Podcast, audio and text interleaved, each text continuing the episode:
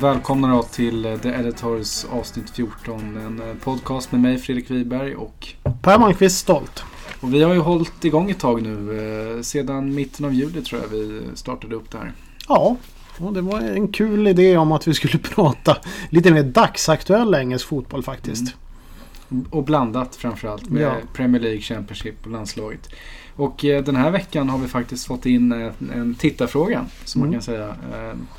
Där eh, en person vill att vi pratar om Blackpool, denna klassiska klubb som eh, i dagsläget då ligger i League 2. De har ju sjunkit som en sten genom ligasystemen eh, dessa år. Och per historiskt då, har du något roligt att berätta om The Tangerines? Ja, de har ju funnits länge och framförallt har de spelat på sin hemmaarena Bloomfield Road. Jag tror sedan 1901 eller något sånt där. Men det är faktiskt en klassisk klubb. Framförallt på efter andra världskrigets slut och början och mitten av 50-talet var de faktiskt rätt bra. Och de hade en spelare som kanske är en av Englands bästa genom tiderna. Sir Stanley Matthews, högerytten. Mm. Eleganten som tror jag spelade någon gång till han blev 50 eller något sånt där. Han inledde sin... Ja. ja, han var tydlig. Det var ju unikum då. Då höll man ju inte sådär fruktansvärt länge. Men han höll länge och han var dessutom bra. Eh, stöttepelare i engelska landslaget. Um, dessutom så spelade han en herrans massa år i Stoke. Och sen på ålderns så spelade han en massa år i Blackpool. Och sen så var det faktiskt så att uh, Stokes dåvarande manager på 60-talet lyckades lock locka över honom en gång till till Stoke. Mm. Så han spelade i början av 60-talet i Stoke. Uh, så han, och han spelade också före kriget, före andra världskriget. Ja.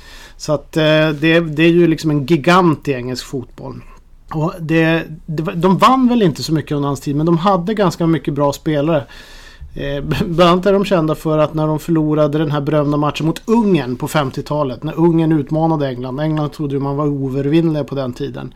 Men den bästa fotbollen spelades i Ungern och då vann man över engelsmännen där. Det var 1933, eh, förlåt 53. Och då var det faktiskt fyra Blackpool-spelare med i det lag som fick stryk av ungrarna. Så det var kanske inte så, så bra. Men eh, eh, det som, den stora grejen där 1953 det var att eh, efter två misslyckade försök så vann eh, Blackpool en fa Cup-final mot Bolton Wanderers och man vände ett 1-3 läge till 4-3. Mm. Och det här är en klassisk final och den kallas för The Matthews eh, Final because eller därför att han, han var helt sanslös i den här matchen och han såg till att vända den. Men det var den här som heter Stan Mortensen som också en klassisk engelsk landslagsman som spelade i, i Blackpool som gjorde hattrick. Och han är tror jag den enda som har gjort hattrick i en fa Cup-final på gamla Wembley. Mm. Och det finns en till kille som har gjort hattrick på en i, på Wembley och det var ju en VM-final och det är Jeff Hurst. Men han spelade i West Ham. Men okay. en av killarna som var med då heter Alan Ball. Mm. Och han spelade under VM-finalen så spelade han i, i Blackpool. Mm. Och eh, han la bland annat ett inlägg till eh, det här målet som gick ribba in för Hurst som var så omdiskuterat. Bäst på plan, ung då.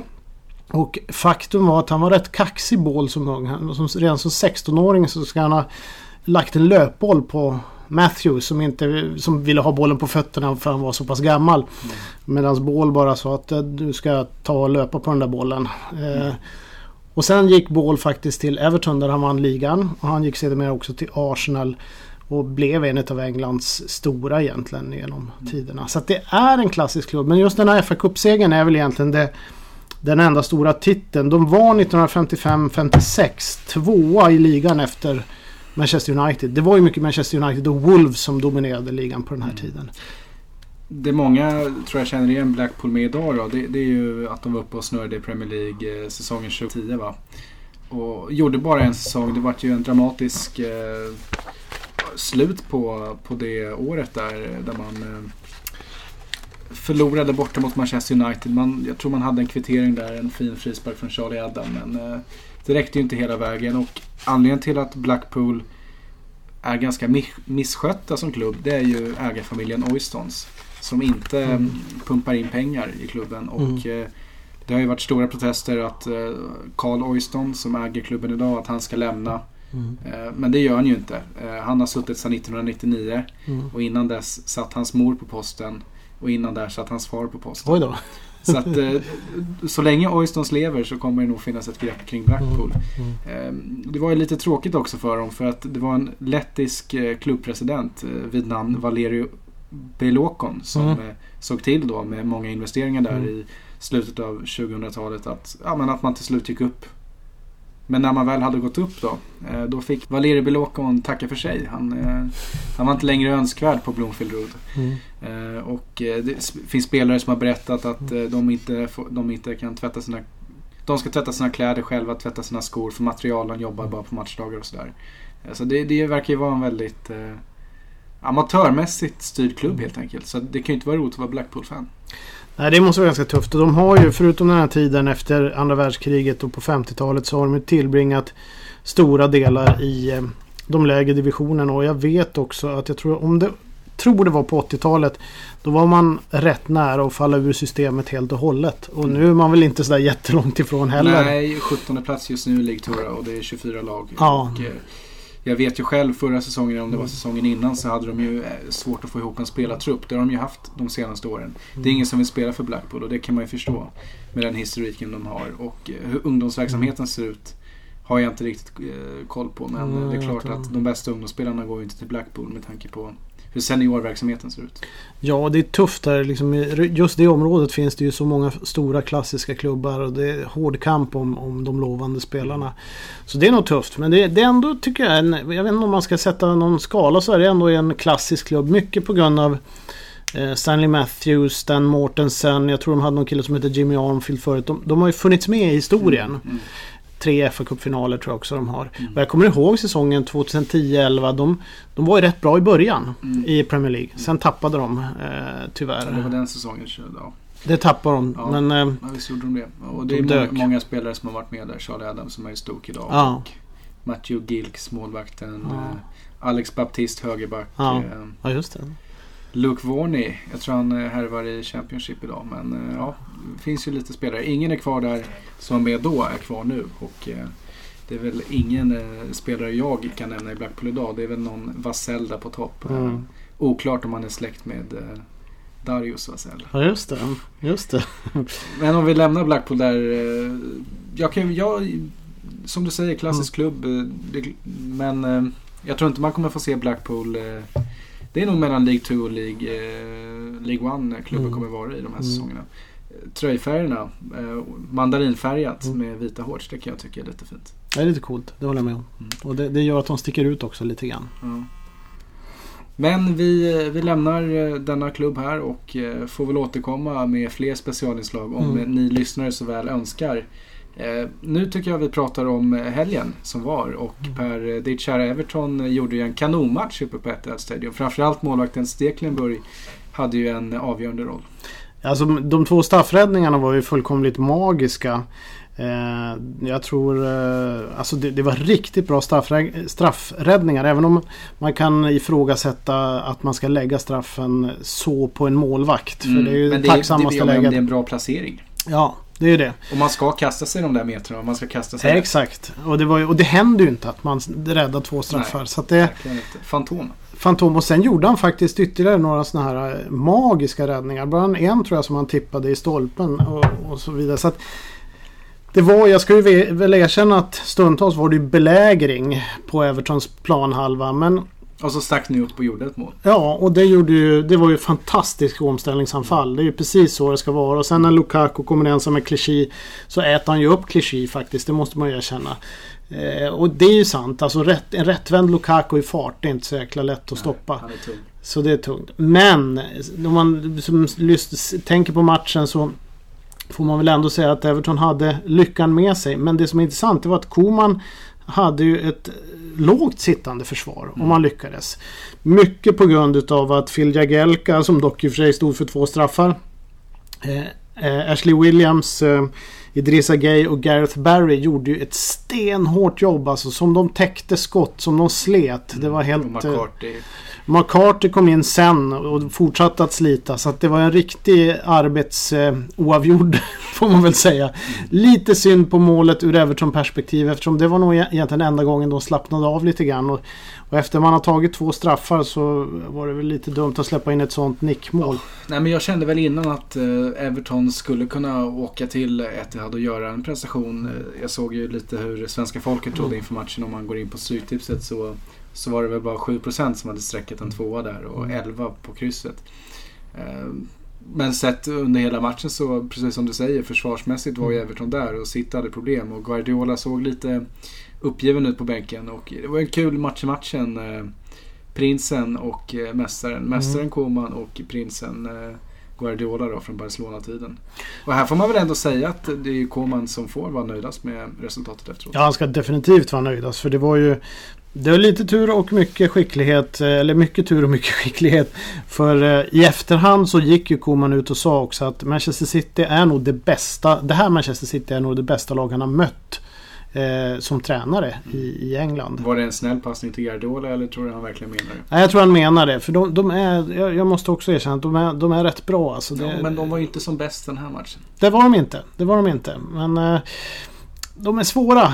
Mm. De är svåra att möta. Och eh, men det får ju inte... Nu har, nu har det varit tre matcher om man räknar med Celtic-matchen som det har hackat lite ja, i maskineriet. Det, och eh, Tottenham-matchen där tyckte jag att där hade de inga lösningar whatsoever. Everton-matchen, ja visst de kanske skulle ha vunnit den om de hade satt straffarna och så vidare. Men, men eh, lite, inte frågetecken men i alla fall. Det är inte ett självspelande piano längre. Nej, och jag tror att det finns möjligheter då för Arsenal och Tottenham som är där och skuggar att, mm. att liksom hänga på. Det känns ju uppenbart nu. Och just Tottenham då, släkten är värst. De höll ju på och torska borta mot West Bromwich. Mm. Nasser Chadli stack ju fram och gjorde ett eh, sent ledningsmål där för West Brom. Mm. Och då trodde man ju att de skulle vinna. Men så kommer den här formstarke Dele Alli och eh, skjuter in kvitteringen. Så att eh, de tar poäng och de smyger med. Det, och det är som det man säger om Tottenham från förr. Det är så otypiskt dem. Det vill säga att eh, när de inte riktigt är i slag då tar de ändå poängen och då får de här målen som är så psykologiskt mm. viktiga. Och det tycker jag är det absolut eh, man ska, största styrkebeskedet ja. med dagens Tottenham hittills. Sen vet man inte, de kanske tappar ändå till slut. Ja, men, precis. men än så länge, och det, jag skulle nog vilja säga att det är Pochettinos förtjänst. För han bygger någonting i det här laget som är annorlunda mot tidigare ja, generationer. Långsamt, de blir starkare för varje dag. Det är mentaliteten yes. blir, eh, blir större i klubben. Och eh, precis som du var inne på där, deras mm. konkurrenter Arsenal. Eh, de släppte in två mål mot Swansea men vinner ändå med 3-2. Så att, mm. eh, och Theo Walcott, en dubbel från honom. Det går bra nu ändå för Arsene Wengers lag. Och de spelar bra. Och det är samma sak där. De visar också, tycker jag, mycket, mycket mer... Eh, de, de, ser mycket, mycket farligare ut än vad de gjorde i fjol. De blixtrade till i fjol också. Eh, men i år ser de eh, mycket bättre ut. Så Arsenal är, tror jag blir farliga. Ja, vi ska väl inte summera hela omgången. Det finns Nej. ju så mycket annat att diskutera i det här programmet. Eh, mm. Men en match jag vill avsluta med som kanske var toppmatchen den här omgången som spelades igår måndag. Liverpool, Manchester United. Mm. Vilka förväntningar man hade. Nu såg inte jag matchen men 0-0 kan ju inte åskådarna varit speciellt nöjda med. Nej, jag, jag såg matchen. Det var ju hård kamp. Det var ju verkligen så att de ville göra en bra match. Men lite ängsligt kanske. Och om jag ska liksom om man hade någon känsla så tänkte jag att, så här att om Liverpool gör första målet då kommer Manchester United inte orka kvittera. För det kändes som att Liverpool hade överväxeln även om de inte riktigt tog fram den. Tycker du de spelade bra det spelet vi har varit vana att se Liverpool med det här ja, det var tekniska, inte, snabba, nej? Det var, det var, inte samma flyt. Nej. Men det var ganska tufft och ganska hårt. Det var mycket kämpa. Mm. Och jag tyckte United gjorde det bra framförallt i början. Försvarsmässigt verkar de ha gjort det väldigt bra. Ja. En sån som Ander Herrera har jag läst efteråt. Mm. Fick ju väldigt mycket beröm på mittfältet. Mm, han slet rätt bra där. Och United mattades lite, väl lite eftersom. Men eh, jag tyckte stundtals i första halvlek var United rätt bra. Eh, men fortfarande, det är inte så att United värmer upp spelet. Det Nej, det är liksom någon, när de är bra då är det för att de kämpar. Eh, och ser stabila ut försvarsmässigt. Och det är ju den här frågetecknen runt Mourinho. Kan han bygga några kreativa lag överhuvudtaget mm. numera? Är hans fotbollstänk eh, lite för vad ska man säga, endimensionellt och mm. kanske dessutom lite out of date? Nej, för det kan jag hålla med om att eh, jag vet inte varför jag tippade United som vinnare den här säsongen, men jag gjorde det. Mm. Jag trodde väl att det skulle bli någon slags Mourinho-effekt. Eh, men då har man väl inte analyserat Mourinho tillräckligt nu. Vissa som säger att hans tränarkarriär är över. Och sådär. Men du var inne på frågetecken och jag vill ju hävda då att de här frågetecknen de rättas ju aldrig ut. Nej, och med det här laget, med de här spelarna. Man, jag tycker man måste kunna ha eh, lite mer rörlig och mer underhållande fotboll. Och ställa större krav på det här United. Oh ja. Jag menar det, det United vi ser idag. Det är ju inte acceptabelt att de Nej. spelar så här. Kan jag tycka. Nej, det tycker inte jag. Men här gjorde de en kämpainsats. Men, jo, men återigen, alltså, det är en kämpainsats. 0-0 borta mot Liverpool. Mm. Äh, inget lag är nöjd över, över poängen kan jag tro. Mm. Och jag trodde nog inför att Liverpool, att de faktiskt skulle kunna bräcka det här United. För mm. det har ju sett så bra ut. Ja. Ja, det har det ja, eh, Om vi eh, vänder blickarna mot helgen då. Um, Ska vi... Bournemouth tar emot Tottenham. Att vi missar den matchen också. Mm. 6-1 mot Hull City, det måste vi ju bara flika in. Ja, gud. Eh, kul för Eddie Howe. Mm. Eh, jag gav honom en plats i veckans lag. Mm. Det kändes riktigt bra att få, få ja, ge honom det helt enkelt. Och Junior Stanislas, eh, två mål, två assist. Ja, han var ju dirigenten bakom allting också. Han, han var ju glödhet. Men Bournemouth är ju lite så. Det var ju som vi sa. De hade ju liksom tuffa motståndare i början. Och så har de liksom tuggat sig in. Och nu ligger de liksom på övre halvan. Och om han kan etablera det här, Eddie Howe, då har han ju gjort liksom enorma underverk. Mm. Det, det, det, det, måste man ju säga. Det är inget snack om saken. Och eh, vilka var det de ställdes mot nu? Tottenham, Tottenham så det är lite svårare då. Men ändå Hemma. på hemmaplan. Hemma. Så där ja, absolut. ska man ha chans. Men det blir en rolig match. Två offensiva lag. Två offensiva, det, det kommer nog svänga här lite grann. Eh, tror jag. Det kommer bli kul att se. Bournemouth gillar ju att ha boll.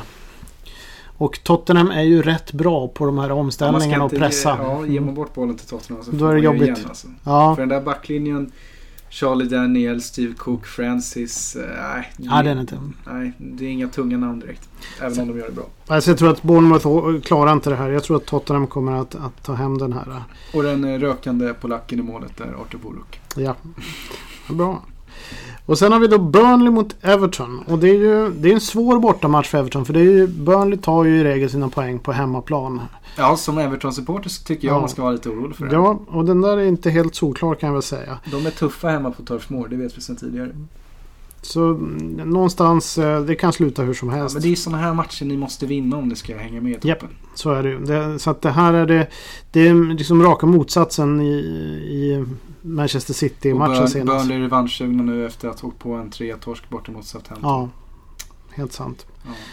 Och West Ham tar emot Sunderland. Där har vi återigen en av de här. Det har ju usch, många usch. ångestmatcher här som vi har pratat om. Eh, de kommer varje omgång. Jag vet inte varje omgång. Stoke, eh, Sunderland förra omgången. Och då var det Stoke som ja. drog... Eh, då var det, vad heter det? Vad heter han? Joe Allen. Joe Allen gjorde två ju två mål. Och eh, frågan är då om West Ham ska sätta ytterligare en spik i Sunderland-kistan. Eller kommer Moyes kunna gnida till sig en poäng här? Hur många liv har han kvar?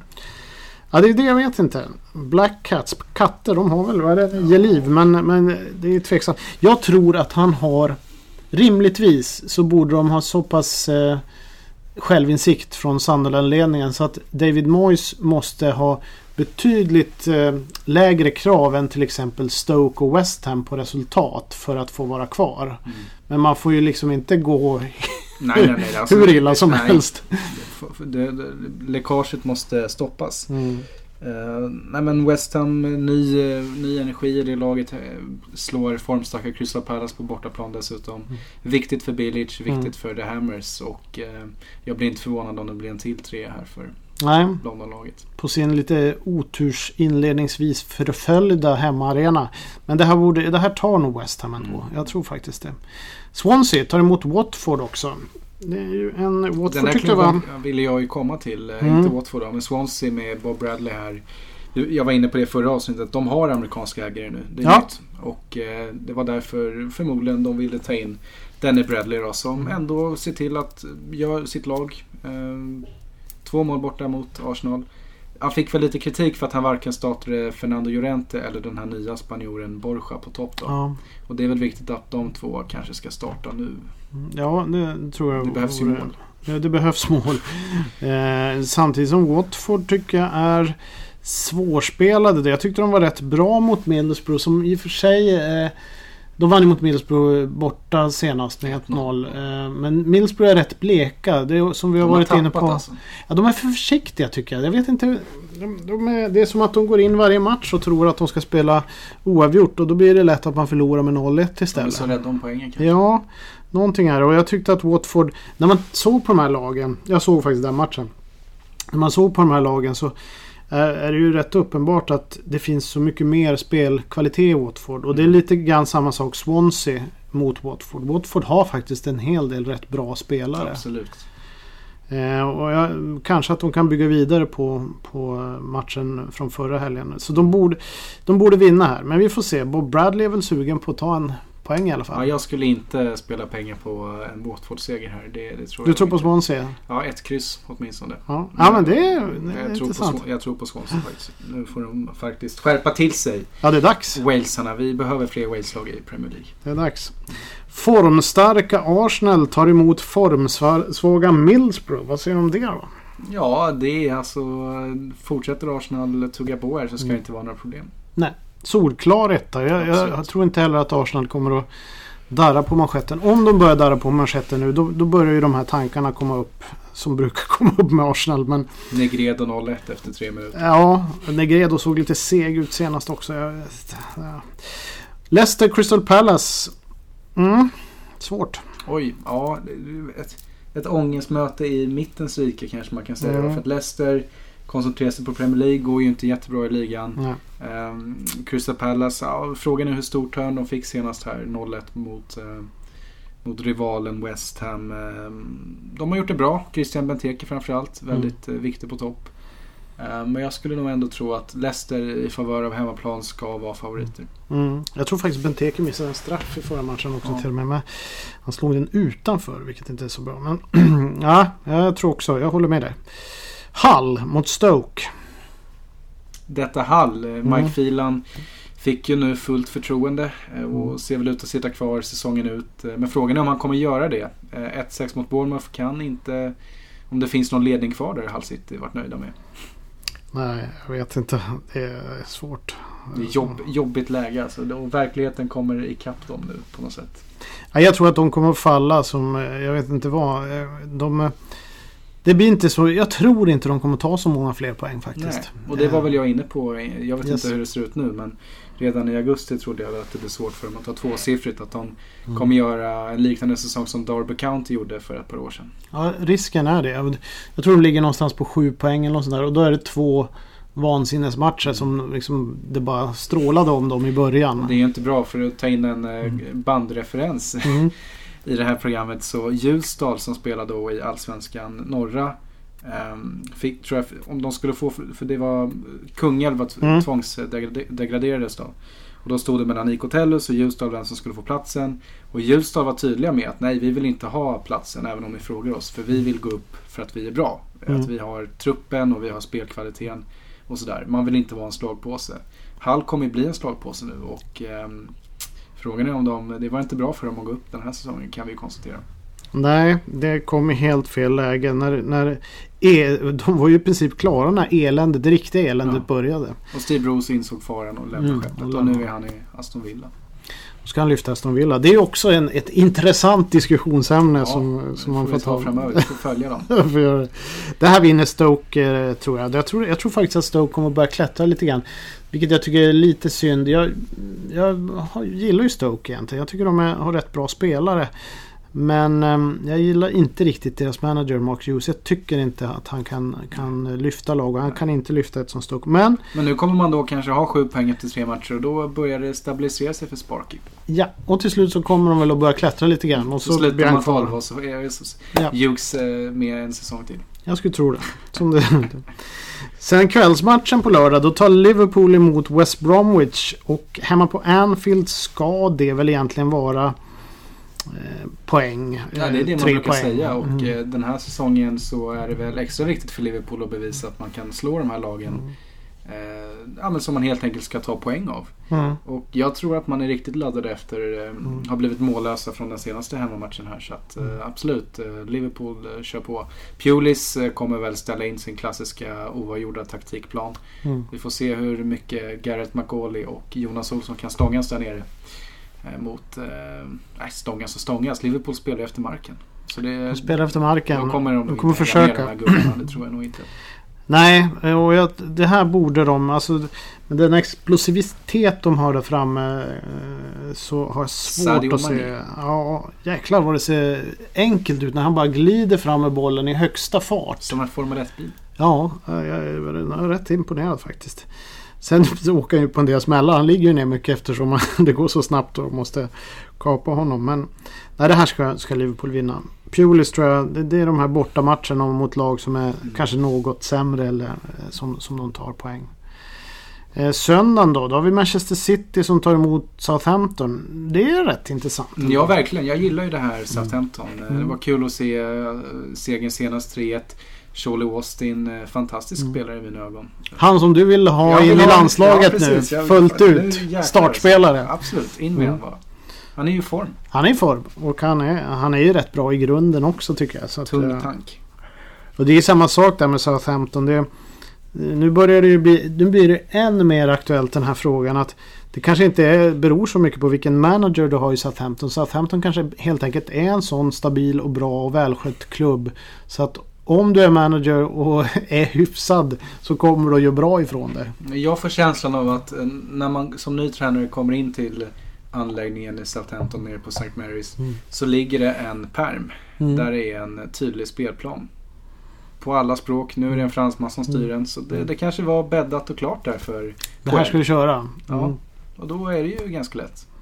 Mm. Ja, det var sen länge sedan och Laurie McManamy styrde i, i Southampton på 70 och 80-talet. Då köpte de faktiskt väldigt många storstjärnor. De var på väg ut för Lieber, den tyske. Ja, just det. Där också. Ja, men det, de har ju funnits med länge. Ja, in, inte vunnit så mycket. Jag tror de har vunnit någon här FA Cup någon gång faktiskt. Men annars tror jag inte de har vunnit. Nej, det kommer. Southamptons dagar, det är... Mm. Men här blir det väl svårt. Manchester City borta. Ja, men samtidigt kan Everton ta poäng av City Mm. borta så kan Southampton göra det. Så att, eh, ja. Southampton är ju nästan... De är ju formstarkare än vad Everton Ja. är. Så att nej, jag, jag, visst City ska vara favoriter men jag blir inte förvånad om Southampton kan knycka en poäng. Tror du det kan knyta sig för City? Att de blir Ja. lite för nervösa? Att tror det, det. som de börjar känna att "Ah, fan det går inte så lätt det här. Och Agüero gör en extra filmning Mm. för att kunna få med sig lite fördelar och sådär. Men det tenderar ju att bli sådär i City. Det, det är inte lika kul då längre. kanske. Just då, så möter de väl Barcelona nu också, eller? Ja. Och det kan ju vara ytterligare ett hack i, i maskineriet. Mm. Ja, de har, de har, det här är liksom tuffa tider för City. Chelsea-Manchester United då? Oj då, eh, Diego Costa säger jag spontant här. Eh, han tycker det är kul att spela fotboll nu. Och då, och då, är man, eh, då ska man se upp alltså. Han är bra nu. Han är Ja. riktigt bra. Eh, Ja. Så att, eh, ja, ja, Chelsea spontant eh, säger jag hemmaseger. Ja, det, jag tycker också det lutar åt det. Det som är lite mm, intressant tycker jag med den här matchen det är att Manchester United har egentligen inte riktigt råd att förlora. Det, det, det, om de förlorar så kommer det bli mycket, mycket, mycket krissnack igen. Absolut. Och Zlatan Ibrahimovic har inte gjort mål på fyra matcher här. Nej, han måste näta. Och vilka, vilka spelare ska han ta med i elvan liksom? Senast spelade Ashley Young, vilket jag tycker är väldigt konstigt. Varför Mm. plockar man ut en sån kille i startelvan när det Ja, finns andra offensiva krafter som eh, ja, Rashford eller Lingard eller den här fransmannen Martial. Nu har inte jag koll på skadeläget men eh, lite Ja. Martial tror jag var skadad. Ja. Och de har ju problem med den här positionen där Rooney var tänkt att spela. Vi spelar ju Herrera. Där senast Fellaini Mata. och Pogba var inte Mm. bra senast. Eh, Förlåt, det var Pogba som spelade. Her Herrera spelade. Schneidlein är väl helt borta i frysboxen. Ja, han vet du tusan. Han använder de sig inte av överhuvudtaget. Eh, och Michael Carrick och... och Nej, Eh, alltså det, det, det känns inte lika stabilt och roligt i Manchester United. Däremot är det ju intressant med Mourinhos comeback Mm. på Stamford Bridge. Den kommer ju, den kommer ju tidningarna dra på. Ja, det kommer de alla gånger. Tränarkampen Eh, där, mm. eh, Italien, Portugal, Conte vs Mourinho. Och då är frågan, har Conte fått till det nu med sitt Grinta. uh, Grinta och tremanna backlinje och Ja, det liknande? känns så verkligen. Jag, David Luiz, ja. Han ska ju inte spela mittback egentligen men Nej. såg att Terry joggade längs sidlinjen senast där även fast nu är det Louise och Cahill. Ett omaka par som vi har konstaterat tidigare. Ja, det kan man ju säga. Det kan man ju säga. Ja, det är i alla fall, jag tycker nog att det där är um, kanske den mest intressanta matchen den här omgången. Ja, det känns så. och, och se fram emot. Ehm, och med det så är ju den här omgången då komplett. Eller nästa är, omgång. Ja, och det är omgång, omgång nio vi pratar om. Så Ja. Snart är vi uppe i tvåsiffrigt även där. Och är det så, vid omgång 10 brukar man börja fundera, nu börjar man se lite strukturer Ja. i, i ligan. Och man börjar liksom se Då botten bör och toppen. man också tänka på vem som ska träna eh, laget de kommande omgångarna. Och det är ju en liten eh, Mm. tanke till Sunderlands ledning här. Hur man ska göra med eh, David Moyes. Ja, eh, David Moyes har ju lite att göra. Sen är det ju så att skulle West Ham till exempel åka på förlust mot Sunderland. Då är det ju lite samma sak för Slaven Bilic. För det är ju skillnad. Jag tror Sunderland de är rätt nöjda på att klara sig kvar. Men West Ham de har jättestora ambitioner. Skulle liksom... Eh, skulle... Den här lilla bot- det här bottenlaget kommer Ah. ta tre poäng där. Aj, aj, aj. Ja, då är det kör. Då, för jag menar, de, de har inte råd med att eh, dras in i någon nedflyttningsstrid. Nej. Inte med de ambitionerna som de har satsat. Och vänsterbacken Aaron Cresswell avstängd också kan vi konstatera. Ja, Nej men alltså som du är inne på. Det har inte sett bra ut på deras, eh, deras nya fort här. nej.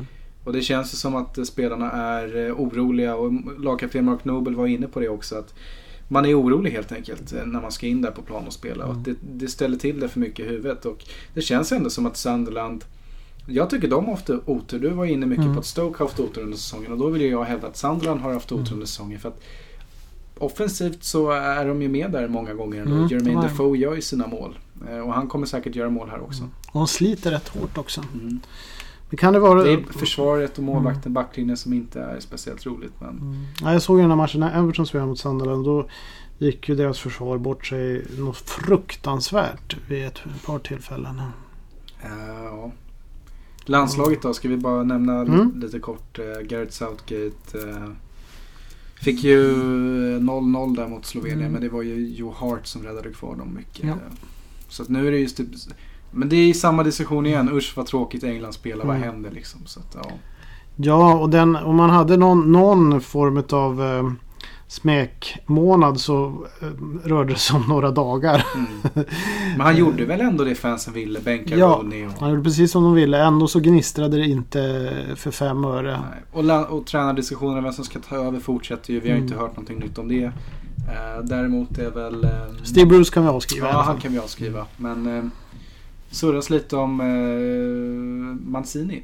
Ja, han var ju tydligen inbjuden och var och tittade på någon av matcherna där. Och eh, jag vet inte riktigt vad man ska säga om det. Jag, jag tycker inte Mancini... Det, Mancini är lite grann av en lyxigare version av Mark Hughes. Mancini har ju liksom haft eh, starkare lag oftast. Ja, man räknar- borde ha haft City då. Men, men ehm, även där, jag tycker inte han lyckas lyfta. Ja, men han vann ju ändå titeln med City där. Det gjorde han. Han hade ju ett väldigt Logiska bra lag. Ja. Ja, den där sista matchen. Ja. Ja, den var ju fantastisk. Men eh, det är klart nu de sista åren här i Italien har det inte sett speciellt roligt ut eh, Nej. i Inter. Så att, nej. Au vill vi ha. Men han gör det ju så förbaskat bra i Bournemouth så jag vill inte... Nej, han ska vara kvar där. Och han har ju sagt nej. Så har gjort det? får- Ja, Ja, okej. han sa det tidigt. Men man vet ju aldrig. Det där kan ju, Nej. det kan ju ändras. Men eh, jag vet inte. Och sen är det ju som med Mancini. Om det skulle gå dåligt, om det inte funkar, då kommer han ju direkt att få någonting emot sig. Det, det är svårare när man inte har vi haft förut. britt. Capello liksom. Ja. Nej. Det är ju intressant för jag tittade på det där och om man tittar på sådana förbundskaptener som Capello och Svennis så är ju de faktiskt bland de absolut mest framgångsrika engelska Mm. förbundskaptenerna någonsin. Mm. Men de har ju fått väldigt mycket skit. Men mycket av den skiten består ju i att man inte är britt eller man är inte engelsman Ja. egentligen. Ja. Och sen att det var lite andra. Alltså Capello spelade väl rätt tråkigt och Svennis tyckte man att han ha- hade en, en gyllene generation. Men han Mm. tog dem ändå rätt långt. De Mm. som, det var möjligtvis uh, Alf Ramsey som vann VM. eh, som kan hamna högre. Och jag tycker även eh, Sir Bobby Robson gjorde det rätt bra. Han tog dem ändå till en semifinal i ett VM. Och det här 1986 när de kom till kvartsfinal. Då förlorade de ju enbart på grund av att Maradona var så fruktansvärt bra. Det var ju det här solomålet och Guds hand. Mm. Annars hade de, de var ju kanonform då. De hade kunnat gå hela vägen då. Men som det är skrivet då, eh, Gareth Southgate eh, kommer ju få leda det här landslaget fyra matcher. Och yep. Jag var väl lite inne på, jag skrev en text om det där, att gör han det bra så, så kommer han nog vilja vara kvar. Och eh, jag tror det förbundet också gärna ser att han tar över det tillfälligt. Men mm. som sagt den här kritiken senast, eh, Southgate känner sig nog inte riktigt bekväm med den. Så att, skulle han åka på fler eh, oavgjorda matcher eller förluster då, då tror inte jag han vill vara kvar längre. Det tror inte jag heller. Nej. Vi är kvar däremot. Mm. Och vi återkommer eh, nästa vecka. Jajamensan. Hoppas jag. Nästa vecka återkommer vi. Sen därefter kommer jag att åka bort. Och så kommer jag åka till England och se några matcher. Ja, men då väntar vi på en eh, rapport därifrån. Så då det kan, vi, kan vi gott pausa. Mm programmet. Men som vanligt eh, jättekul att ni lyssnar och hör av er via mail som, vi, som jag tog emot här. Det är ju mm. superkul verkligen. Ja, enormt och, roligt. Ja, eh, så att, mejla oss eh, fler, fler, gånger om ni vill. annars så, så pratar vi på. Mm, det gör vi. Mm, bra. Okej, okay, säg så. Ha det bra.